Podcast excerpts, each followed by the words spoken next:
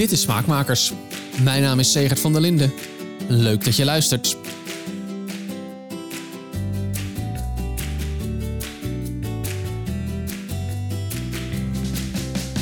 Een iets wat andere smaakmakers dan normaal, om eerlijk te zijn. Want normaal ga ik bij iemand op zoek. Dan praten we een half uur, drie kwartier, een uur, toch, Suzanne? En daar maak ik dan een leuke podcast van. Maar in dit geval ging het wat anders. Want een kleine twee weken geleden mocht ik mij melden in Arsen. En bierliefhebbers, die weten het dan al wel. Ja, ik mocht me melden bij de Hertog Jan Brouwerij. Het is een van mijn favoriete brouwerijen van Nederland. Als ik gewoon een goed pilsje wil, dan is er eigenlijk geen één ander biertje dat ik zo graag drink als de Hertog Jan. Maar ook hun speciaal bieren zijn lekker. En de laatste paar jaar is er iets leuks aan de hand met de brouwerij.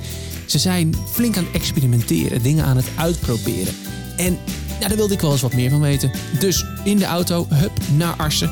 Want daar stond meesterbrouwer Micha Peuten al op mij te wachten. En aan hem mag ik alles vragen over het bier van Hertog Jan.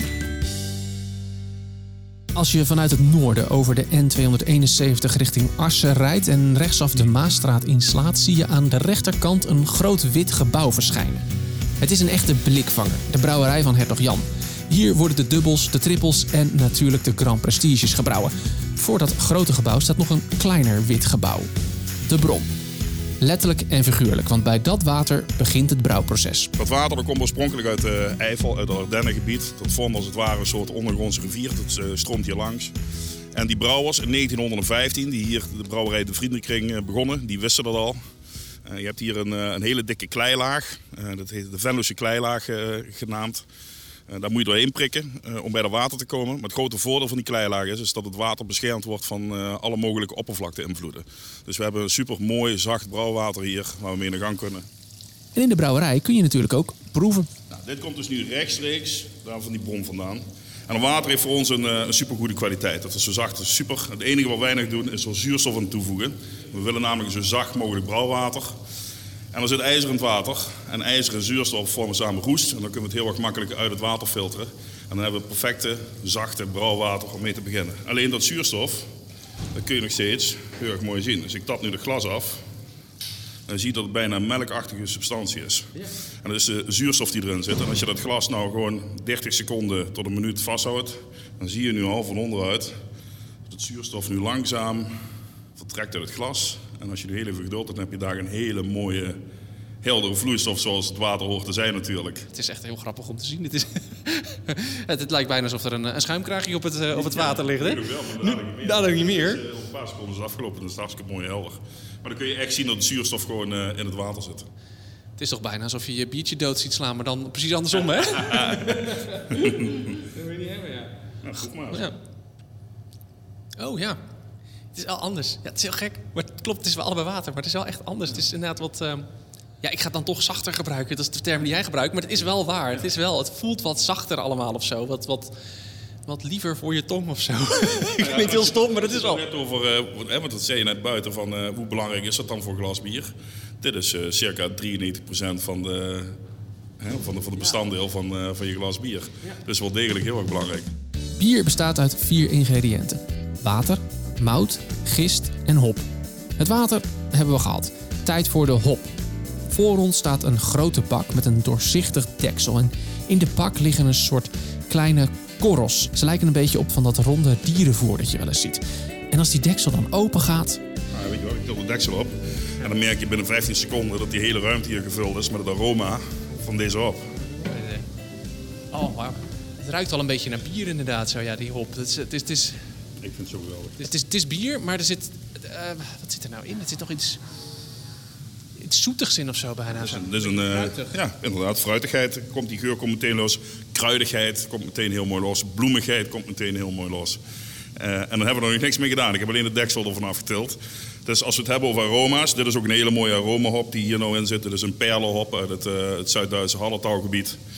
Um, dus je geeft meteen al hele mooie aroma's af. Um, dus ja, ik word hier altijd helemaal blij van. Dat kun je mij een hele dag laten doen. ik wou zeggen, ik wil hier ook nog wel even een half uurtje blijven staan hoor. Ja, ik vind het echt helemaal geweldig. Ook uh, als we bezig zijn, zeker voor de, voor de proeftuin of op de proefbrouwerij. En we zijn uh, aan het nadenken over welke hop zullen we gebruiken. Nou, dan heb je zo'n dag dat je, dat je, dat je hop gaat, eh, hè, dat je gaat snuffelen de hele dag van welke aroma's vind ik nou mooi. Daar ben ik helemaal gelukkig van. Ja, dat is, dat is mooi. Ik zie het in je ogen ook. Ja, ik zie het in je ogen. thuis zelfs een keer voorgesteld als potpourri, maar dat vond mijn vrouw niet zo'n goed idee. dus uh, heeft ze gebruik gemaakt van een vetorecht. Maar, en me goed ook. Ik heb gelukkig de mogelijkheid om hier af en toe lekker een hop hopgeuren mee te krijgen. De geur kan ik niet meenemen, maar het geluid kan ik wel laten horen. Dat scheelt weer. Ja. Het is zo Het is echt heel lekker. Het is nog maar één hopsoort. Weet je, dat is alleen de perle, het mooie aromatische hop. Maar ik zou door kunnen blijven gaan met hop. In diezelfde ruimte staan nog een paar bakken. Hierin zit mout, het derde ingrediënt van bier. In één bak zit donkere mout, daar komen we zo meteen bij. In een ander zogenaamd moutschroot, mout als het gemalen is. Maar we beginnen bij de lichte mout. Dat is dus eh, echt de gekende pilsmout. En die hebben we nodig voor ieder glas bier dat we brouwen. Elke soort, van de Grand Prestige tot de Pils, allemaal zitten ze Lichte erin. mout heb je overal voor nodig. De hele simpele reden is, lichte mout heeft een enzymatische werking, zoals we dat heel mooi noemen. Ja, een heel duur, eh, heel duur woord. In, onze, in ons brouwproces, in ons maïsproces, hebben we een enzymatische werking nodig van de, hoop, eh, van de, van de mout. We gaan dadelijk schroten. Hè. Je ziet daar de moutschroot staat er ook boven, geschoten mout. Dat is om het bereikbaar te maken voor brouwwater. Wat ik net zei, de jongens zijn het storten. Dan gaat er dus die moutschroot bij het water en dat wordt samen een pap. En dan gaan we dat stapsgewijs verhogen in temperatuur. Want die enzymen in die mout die gaan er dan voor zorgen dat allemaal die zetmeelketens binnen de gerst afgebroken worden en omgeworden, eh, omgezet worden in suikers. Vergisbare suikers, niet vergisbare suikers. En je ziet daar de donkere mout, dus de hele gebrande mout.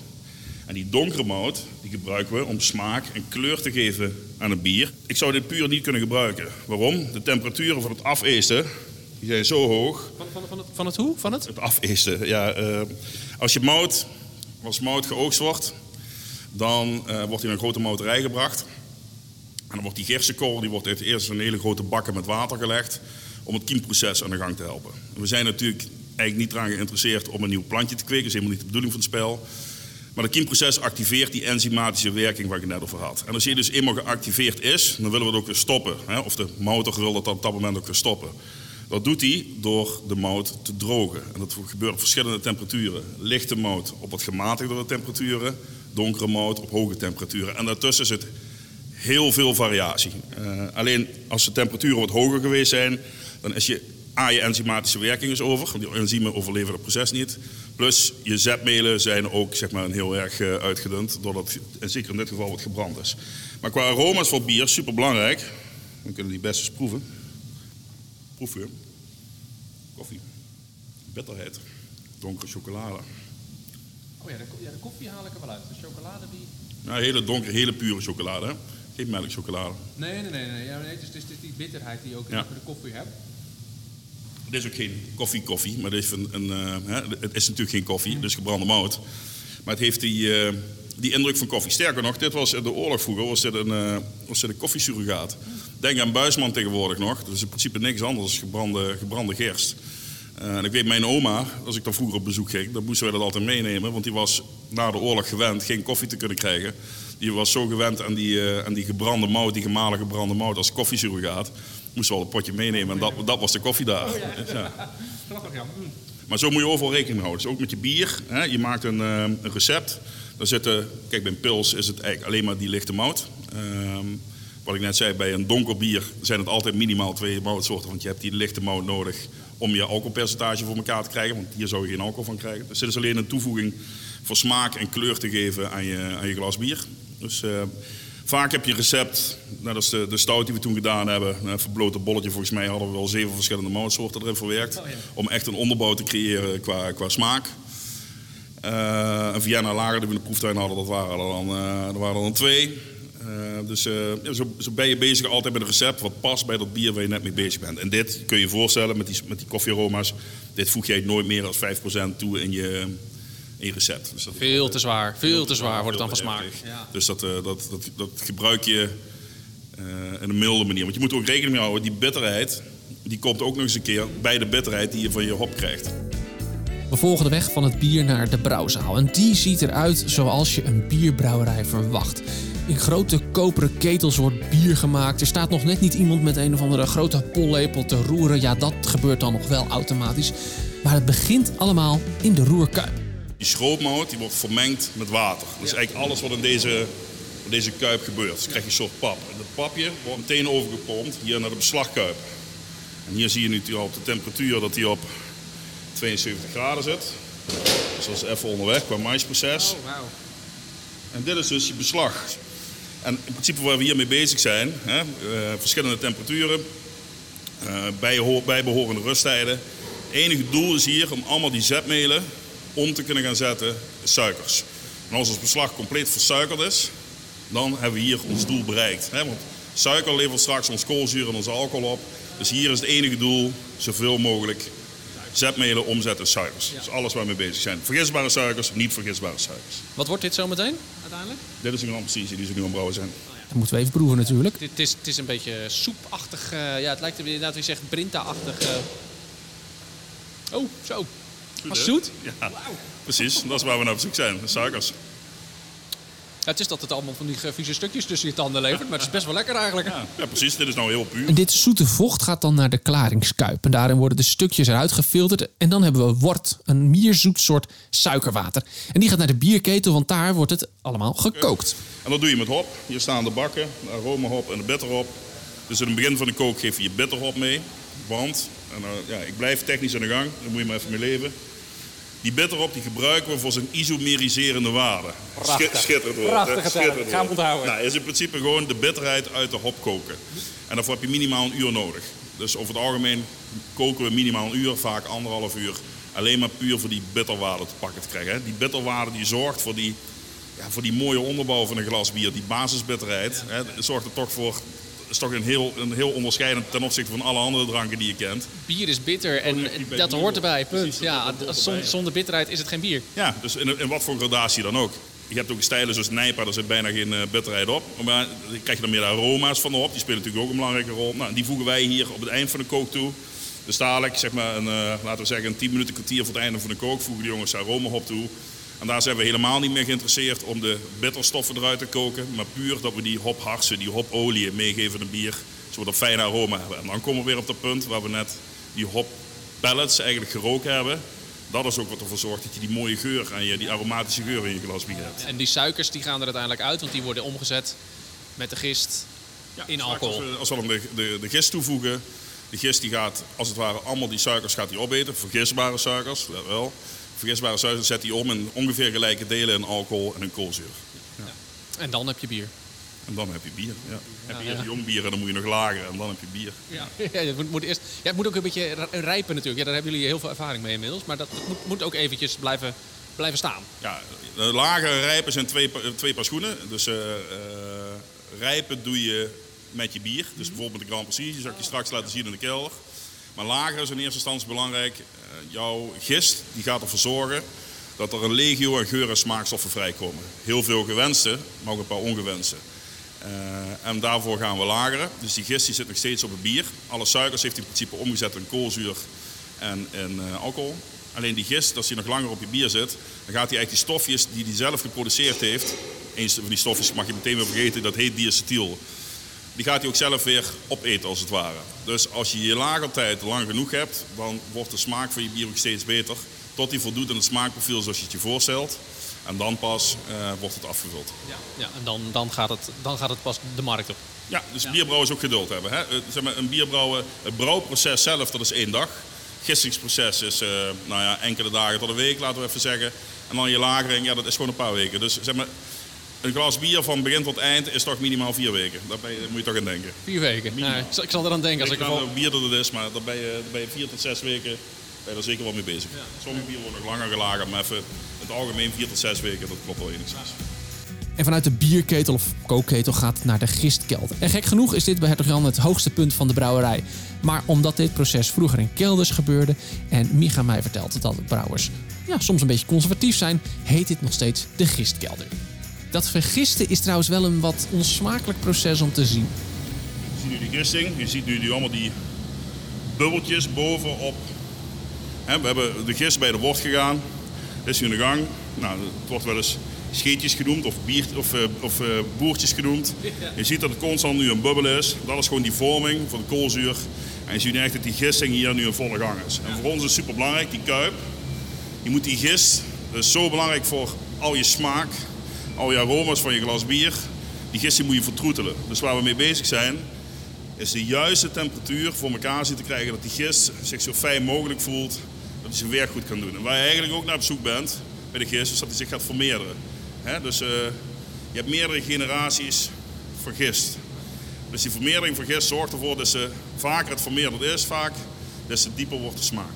Dit is wel het meest onsmakelijke stapje dat ik tot nu toe gezien heb, denk ik. Het ziet, dit ziet er wel echt uit. Ja, van uiterlijk, ja. ja nee, dat is niet het meest... Uh...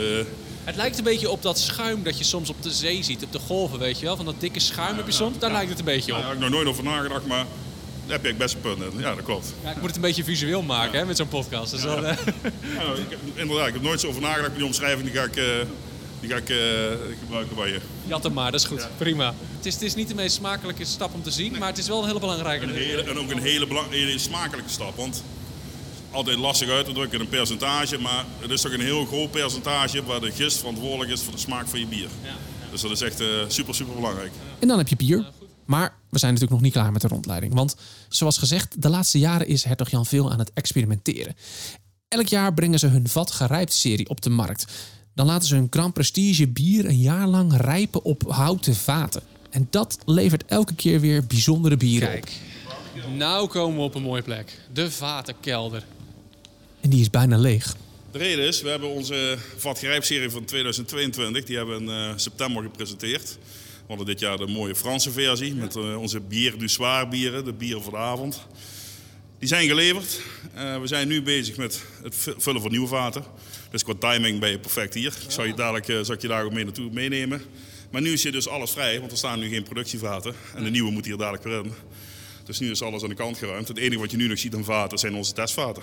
Ja, kijk, hier heb je als voorbeeld, er liggen twee mooie langs elkaar. Uh, dit zijn testvaten die we al een tijdje hebben liggen. Want deze hier, dit was dit jaar de cognac. Alleen dit fus is nog onderhand drie jaar oud. Want zo lang ben je er van tevoren mee bezig voordat het zover is.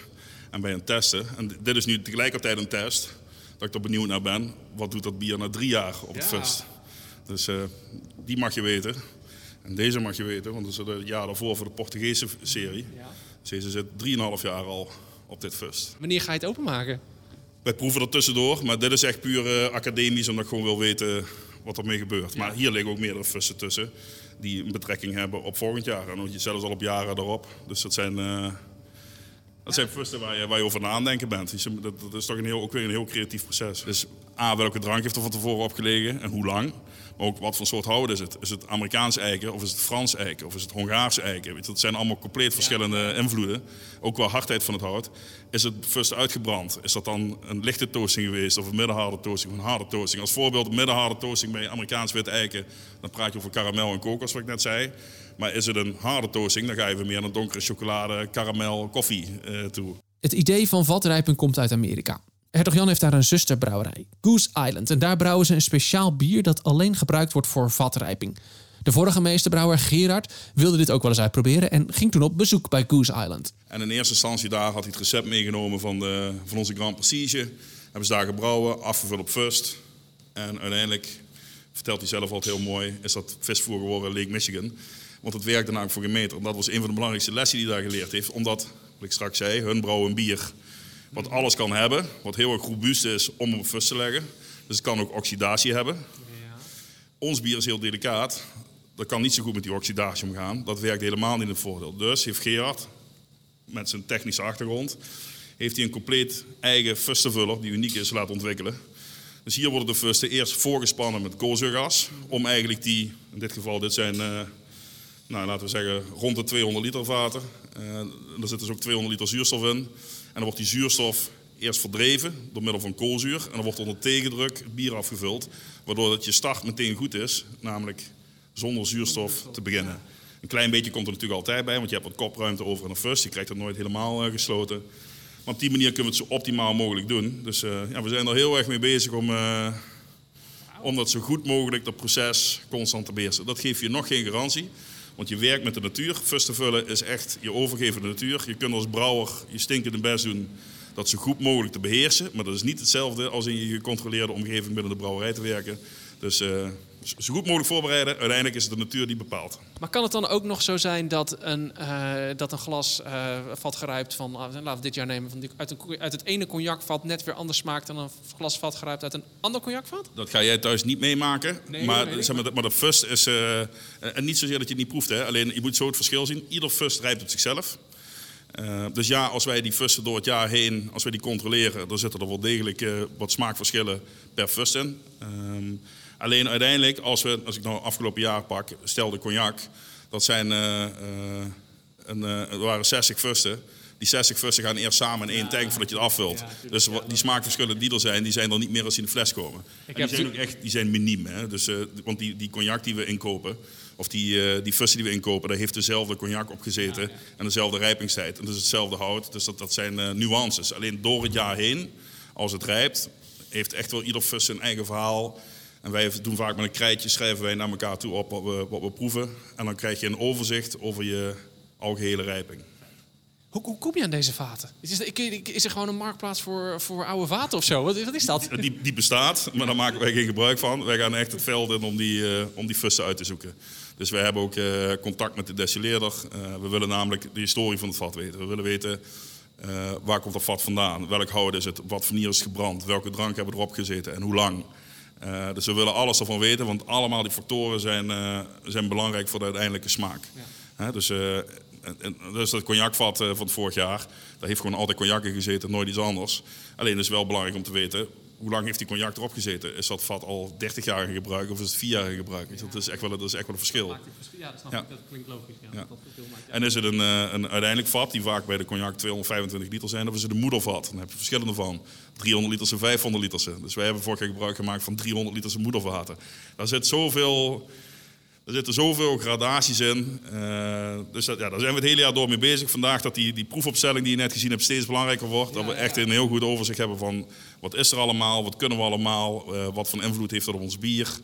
Uh, en dat is ook graag de, de, de, drang daarna om daar zo goed mogelijk in te worden. Daar willen we echt, daar willen we echt in voorop lopen. En voor mij persoonlijk geldt dat ook. Dat is ook echt iets waar je ambitie ligt om daar zo goed mogelijk in te zijn. Ja, dat is iets unieks dat jullie hebben. Ik bedoel, speciaal bierbrouwerij is natuurlijk de afgelopen zoals we zeggen, 10, 15 jaar als paddenstoelen opgepopt ja. uit de grond. Elke, elk dorp, elke stad heeft er wel eentje. Um, maar dit is niet voor iedereen weggelegd. Dit is niet elke brouwerij kan A, dit volume brouwen, dat je, dat je inderdaad even die vaten wegleggen, heeft de ruimte, heeft de kennis, heeft en ik denk in jouw geval ook, uh, ja, het is een beetje plat begrip, uh, de passie ervoor. Ja, dat is inderdaad passie. Ja. Dat ja, zeg je precies goed. Ja. ja. ik ben daar. Uh, ik ben, ik ben hier op dit en de proeftuin. Dat zijn zo'n dat zijn zo mooie projecten waar je mee bezig bent. Dat zijn je kindjes. Uh, daar ben ik 24 uur per dag mee bezig. Ik heb een schrijfvlok langs mijn bed liggen. En het zal niet de eerste keer zijn dat ik wakker word en nadenk over uh, voor de proeftuin voor een, uh, een, een, bepaald iets voor een recept. Laat dat bijvoorbeeld een hopsoort zijn of een combinatie van hop.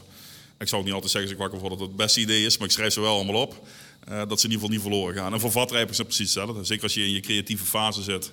En ja, dat is, gewoon, dat is gewoon een hartstikke mooi creatief proces. En ja, onze jongens hebben dat ook zo'n jersey die je nu bezig is met vullen, weet je, die is ook de eerste die, die je vertelt wat je ervan vindt. En de, de aroma's die hier in de lucht hangen als de, als de fusten zeg maar, nu dadelijk gevuld worden. Je ruikt het hier al, het ruikt gewoon lekker naar hout en het ruikt naar, naar drank. Waarbij ik je niet zal vertellen welke dat het is, het ruikt naar bier. Ja, ja. Dus die mooie combinatie. Dus ja, zo zijn we met, met, met z'n allen hier, proberen we daar echt gewoon...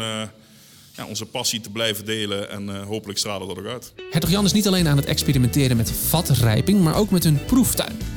Daar kun je lid van worden en abonnees van de proeftuin krijgen vier keer per jaar een exclusief speciaal bier van Hertog Jan. Voor Micha is dat niet alleen leuk, het hoort ook bij de geschiedenis van de brouwerij. Ik vond het belangrijk dat we weer echt laten zien dat we de eerste kraftbrouwer in 1982 door de deur waren. Het is één ding om de verhaal iedere keer te vertellen, het is een ander ding om te laten zien. Ja. En ik vind het belangrijk ook om onze nieuwe generatie brouwers uit te dagen om uh, mee te denken over mooie nieuwe recepten recepten die bij Hertog Jan zouden kunnen passen. Dat wil echt niet zeggen dat dat nieuwe bieren worden voor Hertog Jan. Maar wel recepten die zouden kunnen passen. Ik denk dat het goed is voor iedereen eh, die erbij betrokken is. Onze brouwers die blijven lekker scherp en aan de gang en nadenken over het creatieve proces. Voor mij ook.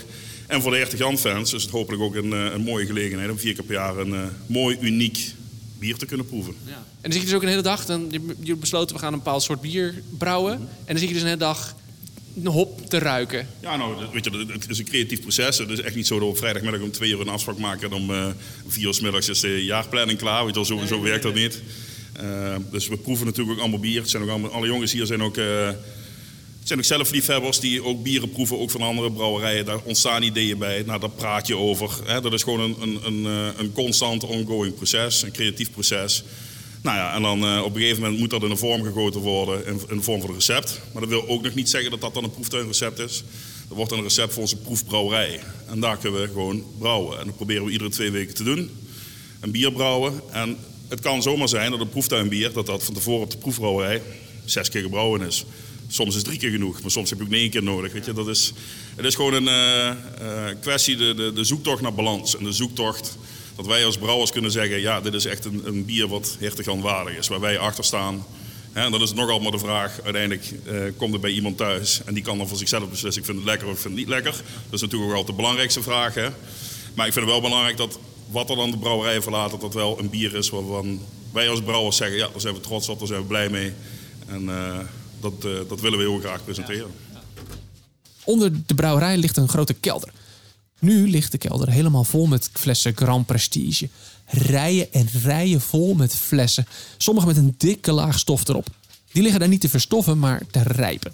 Die kelder is trouwens oorspronkelijk niet gebouwd hoor, om bier op te slaan. Dit was eigenlijk niks anders dan een overstromingskelder. Je ziet hier ook die, die zand liggen, die heeft ook een functie. Vroeger was het zo, je hebt je, trouwens is nog gedeeltelijk zo. Uh, dit is wat boven ons plafond hier nu. Dat is natuurlijk de vloer van de bottelerij waar we net langs gelopen zijn. Dat staat hoger als uh, normaal. De reden is natuurlijk de Maas hier in de buurt ligt. Dat de overstromingsgel hier zorgde ervoor dat de Maas dan over, over zijn oeverstraat. En die bereikte de brouwerij. En dan liep het water hier die overstromingsgelders in. Kon rustig ook een groot gedeelte vollopen. En door de zand zakte na de overstroming zakte ook het water weer weg. Dus dan was je van je problematiek af. Alleen uh, begin jaren 90, 1993 hebben we hier, en ik weet er alles van, want ik kom hier uit het dorp, hebben we een flinke overstroming gehad. Dus uh, Ars is toen echt, uh, ja, zeg echt maar gewoon het is, is echt verzopen toen. Uh, deze brouwerij natuurlijk ook. En toen Gerard in 2000 hier kwam, ja, de laatste jaren was hier onder niemand meer geweest. Het was sowieso altijd al een overstromingsgelder, maar je kunt je voorstellen na zo'n flinke overstroming wat hier gebeurd was. Alles wat hieronder lag zat onder de modder en onder de klei en uh, zag er niet uit, dus daar werd niet omgekeken. En Gerard heeft toen hij begon, heeft hij de bottelerij verplaatst naar de plek waar we nu net langsgekomen zijn. En toen had hij een nieuwe route nodig voor zijn, voor zijn rondleiding.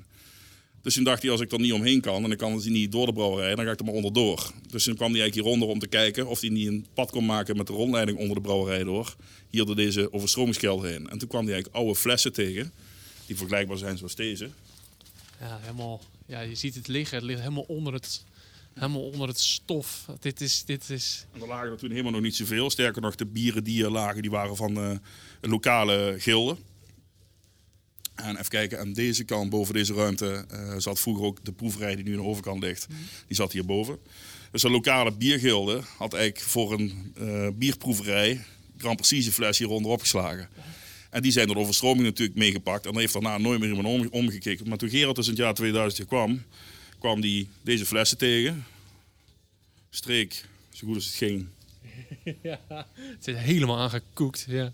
Vanaf, keek naar de vloeistof, hield bij een lamp zag dat die vloeistof helder was. Nou ja, en dan is het een echte, een echte Nederlander, een echte Brabant, een echte bierbrouwer. Die dan niet zomaar een vloeistof weggooit, maar als het helder is en er zitten geen vlokken in, waarom niet proeven? Proefde het. En toen proefde hij eigenlijk een groot verschil ten opzichte van de Grand Precision vers. Maar hij vond het wel heel erg lekker. En nu, met jaren ervaring, weten we dat dat bier, zoals wij dat noemen, gaat verporten. We noemen het ook wel het Madeira-effect. Dus het gaat qua smaak, krijgt het wat weg van de port. En begrijp me niet verkeerd, het heeft niks met een rode port te maken. Dus gewoon een bier.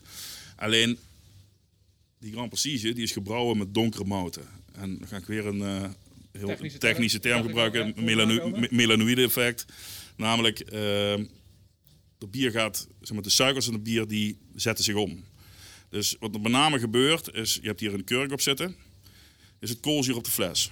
En de koolzuur op de fles zorgt ervoor dat de druk binnen de fles groter is als buiten de fles. Mm -hmm. Maar die koolzuur die ontsnapt een stukje bij beetje langs je kurk op.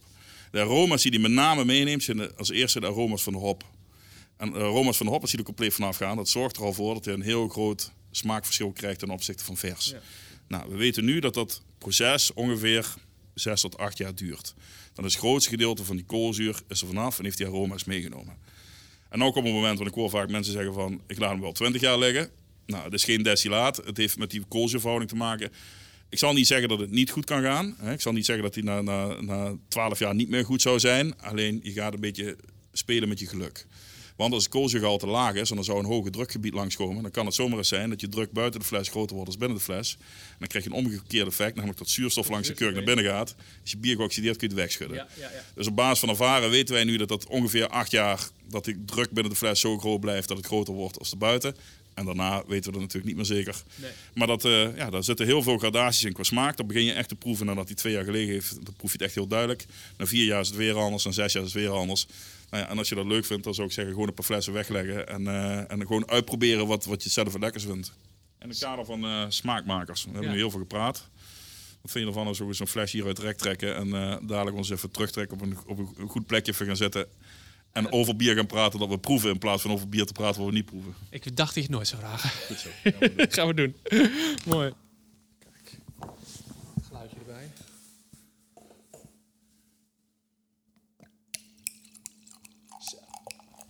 Nou, je ziet, het is, nou, eh, dat is een eh, fles uit 2018, dus die is eh, nou toch al bijna vijf jaar onderweg. Het heeft nog steeds een mooie schuimkraag, hè? er zit nog steeds koolzuur op. Maar je gaat nu dadelijk proeven ten opzichte van de verse GP, dat dat toch echt een, eh, een heel ander verhaal is. Aroma's in de neus zijn ook compleet anders. Hij is echt zo vol. Wauw. Heel veel. Heel fruitig, heel. Maar zoet bier wordt ook wel eens te veel karamel, te veel. En dat. Hij blijft fruitig op de een manier. Heel diep. Ja. Ik ben meestal niet zo'n fan van donker bier. Ik ben meer van de IPA's en van de blond, dat soort werk. En dat is dus omdat het vaak als het gebrouwen wordt, slaat het door. En dan krijg je echt zo'n... Ja, ik zeg dan soms eh, wel eens... Je kan net zo goed een glas limonade drinken bijna. Dat, zit, dat, zit- dat zit er soms in, weet je wel. Net als met bok, bokbier, bokbieren zijn ook niet altijd goed. Het zijn ook soms dat je denkt, ja, ik, ik, ik proef niet meer dat bier is bijna. Dat is het bijna. Hier, deze is ook zoet. Hier zit ook heel veel zoet in. Maar het is nog steeds wel bier. En dat is het lekkere. Blijft fris. Tot op zekere hoogte, ja. Ik snap, ik snap wat je bedoelt. Ehm, kijk, we hadden straks al een keer over dat er zoveel eh, brouwerijen zijn. En ik, ik juich dat toe, die ontwikkeling. Ik vind dat heel erg goed. Eh, maar je merkt wel dat er hele verschillende zienswijzen zijn over wat is nou... Waar moet een glas bier nou aan voldoen? En voor mij is het toverwoordje is balans. Ik wil, eh, ik wil blijven proeven het, de verhouding tussen mout en tussen hop en tussen gist. Hè, je water is natuurlijk je basis. Ik wil die verhouding blijven proeven. Dus is het bijvoorbeeld zo sterk gehopt dat ik die andere smaken niet meer eruit haal, dan haak ik af. Eh, en waar je het net had over die hele zoete bier, ik proef ook heel erg veel. En ik kom echt heel veel goede tegen. Laat ik daar echt niet de verkeerde indruk over bestaan. Echt, eh, de- de collega's die ook bezig zijn met hartstikke mooie ontwikkelingen. Maar er zitten tussendoor ook bieren tussen. Daar is het suikergehalte wel niet zo hoog eh, dat het bijna liqueur is. En het alcoholpercentage, geen schuimkraag meer op een glas bier. Ja, en dan... En daar zal beslist ook een groep voor zijn mensen die dat lekker vinden. Maar ik haak dan een beetje af. Dan, eh, dan wordt het mij te... Dat vind ik niet zo lekker. Ja, dan, dan, is het, dan, dan proef ik geen bier meer, inderdaad. Je zegt, ja, dan is het inderdaad meer een liqueur bijna. En dit is, nu ik een slok genomen heb, proef je ook, komt ook die, die bittere biersmaak komt erbij. De hoppen komen langs. En dat, dat hoort erbij. Ja, Ja. ja. Het, het is gewoon veranderd, het is geëvolueerd, dit bier. En eh, deze is nu ja, ruim vier jaar onderweg, dus het is compleet anders als, eh, als vers. Maar je zag net, het heeft best nog een, eh, het heeft best nog een mooie schuimkraag. En als hij acht jaar oud is, dan is hij er ook grotendeels vanaf. Maar daarvoor zeg ik ook van mensen moeten zelf gewoon die flessen wegleggen. Proef hem vers, hè, niet te vergeten. Proef hem na twee jaar, proef hem na vier jaar, proef hem na zes jaar, proef hem na acht jaar. En bepaal voor jezelf wat jij het lekkerste vindt. Hier komen we nou ongeveer uit met wat ik me altijd heel mooi voorstel. Dan heb ik weer over die balans. Het- Je proeft die rijping, je proeft het veroudering van het bier. Maar het heeft wel nog een, eh, een schuimkraag en een beetje koolzuur. En ik ben nou eenmaal bierdrinker, dus ik vind het fijn als, het, als, het, als een glas bier ook een beetje koolzuur heeft. Vind ik erbij horen. Hoort erbij. Ja. Ja, ja. en die schuimkraag hoort erbij. Die moet erin zitten. Maar ik geloof niet, ik geloof niet altijd heilig in eh, honderdduizend regeltjes. Mensen moeten zelf uitproberen, proeven. En uiteindelijk is het enige bepalend wat je zelf lekker vindt. Ik ben ook wel eens gek op van die, van die, van die, van die IPA's die echt, die echt eh, jij zegt, te hoppig. Voor mij kan het niet snel hoppig genoeg zijn, bijvoorbeeld. Dat is wel zo'n smaakverschil. Dat is, dat is een vraag. Ik, ik, ik hang heel erg aan eh, balans, dat is voor mij heel erg Ja, belangrijk. ja. En dan zijn wij zelf, als wij bezig zijn met het ontwikkelen van bieren, is dat eigenlijk het, eh, het, het woordje wat het, wat het valt. En waar we mee bezig zijn met recepten, is dat we een balans creëren.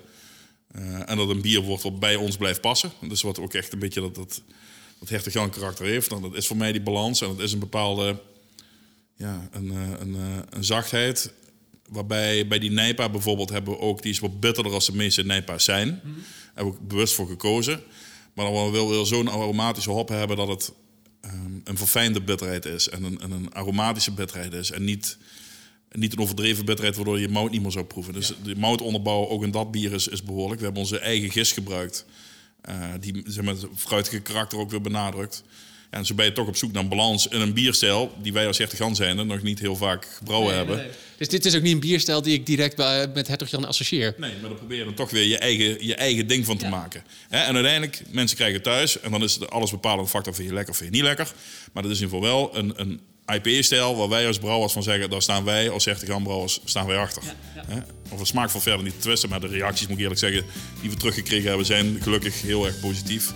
Dus daar ben ik ook heel erg blij mee. Maar eh, ja, een IPA was niet iets waar wij al eh, überhaupt mee bezig waren heel veel. Dus eh, het was voor ons ook een uitdaging. Je luistert naar Smaakmakers. Mijn naam is Segert van der Linden en je hoorde het verslag van mijn bezoek aan de Hertog Jan Brouwerij in Arsen. Dank aan meesterbrouwer Micha Peuten voor al zijn kennis, inzicht en de antwoorden op al mijn vragen. Meer informatie over Hertog Jan? Nou ja, check de show notes voor alle linkjes. Daar vind je ook de link naar de Petje Af pagina hè, van Smaakmakers. Vind jij Smaakmakers nou tof? Vind je het leuk genoeg en zou jij de podcast met een klein bedrag willen ondersteunen? Dan kan dat. Check de Petje Af pagina van Smaakmakers. Dan krijg je ook toegang tot de exclusieve bonus podcast van Smaakmakers. Die ik met eh, enige onregelmatigheid bijwerk. De volgende gast, die ga ik ook vragen stellen voor de bonus podcast. Het is namelijk een Maureen Tan. Het is namelijk een Maureen Tan. Ja, die heb je eerder gehoord in de podcast. Twee afleveringen, een jaar of twee geleden ongeveer. Maar dit jaar bracht ze een mooi nieuw boek uit. Het heet Java. In de vorige aflevering met Suzanne Arends werd het al aangeprezen. Inmiddels heeft het ook de kookboek van het jaarverkiezing gewonnen. Dus reden genoeg om met Maureen in gesprek te gaan over dit prachtige boek dat weer gaat over haar Indonesische roots. Wil je dat horen? Abonneer dan vooral op Smaakmakers. Dan verschijnt die aflevering over twee weken vanzelf in je feed. Voor nu, bedankt voor het luisteren.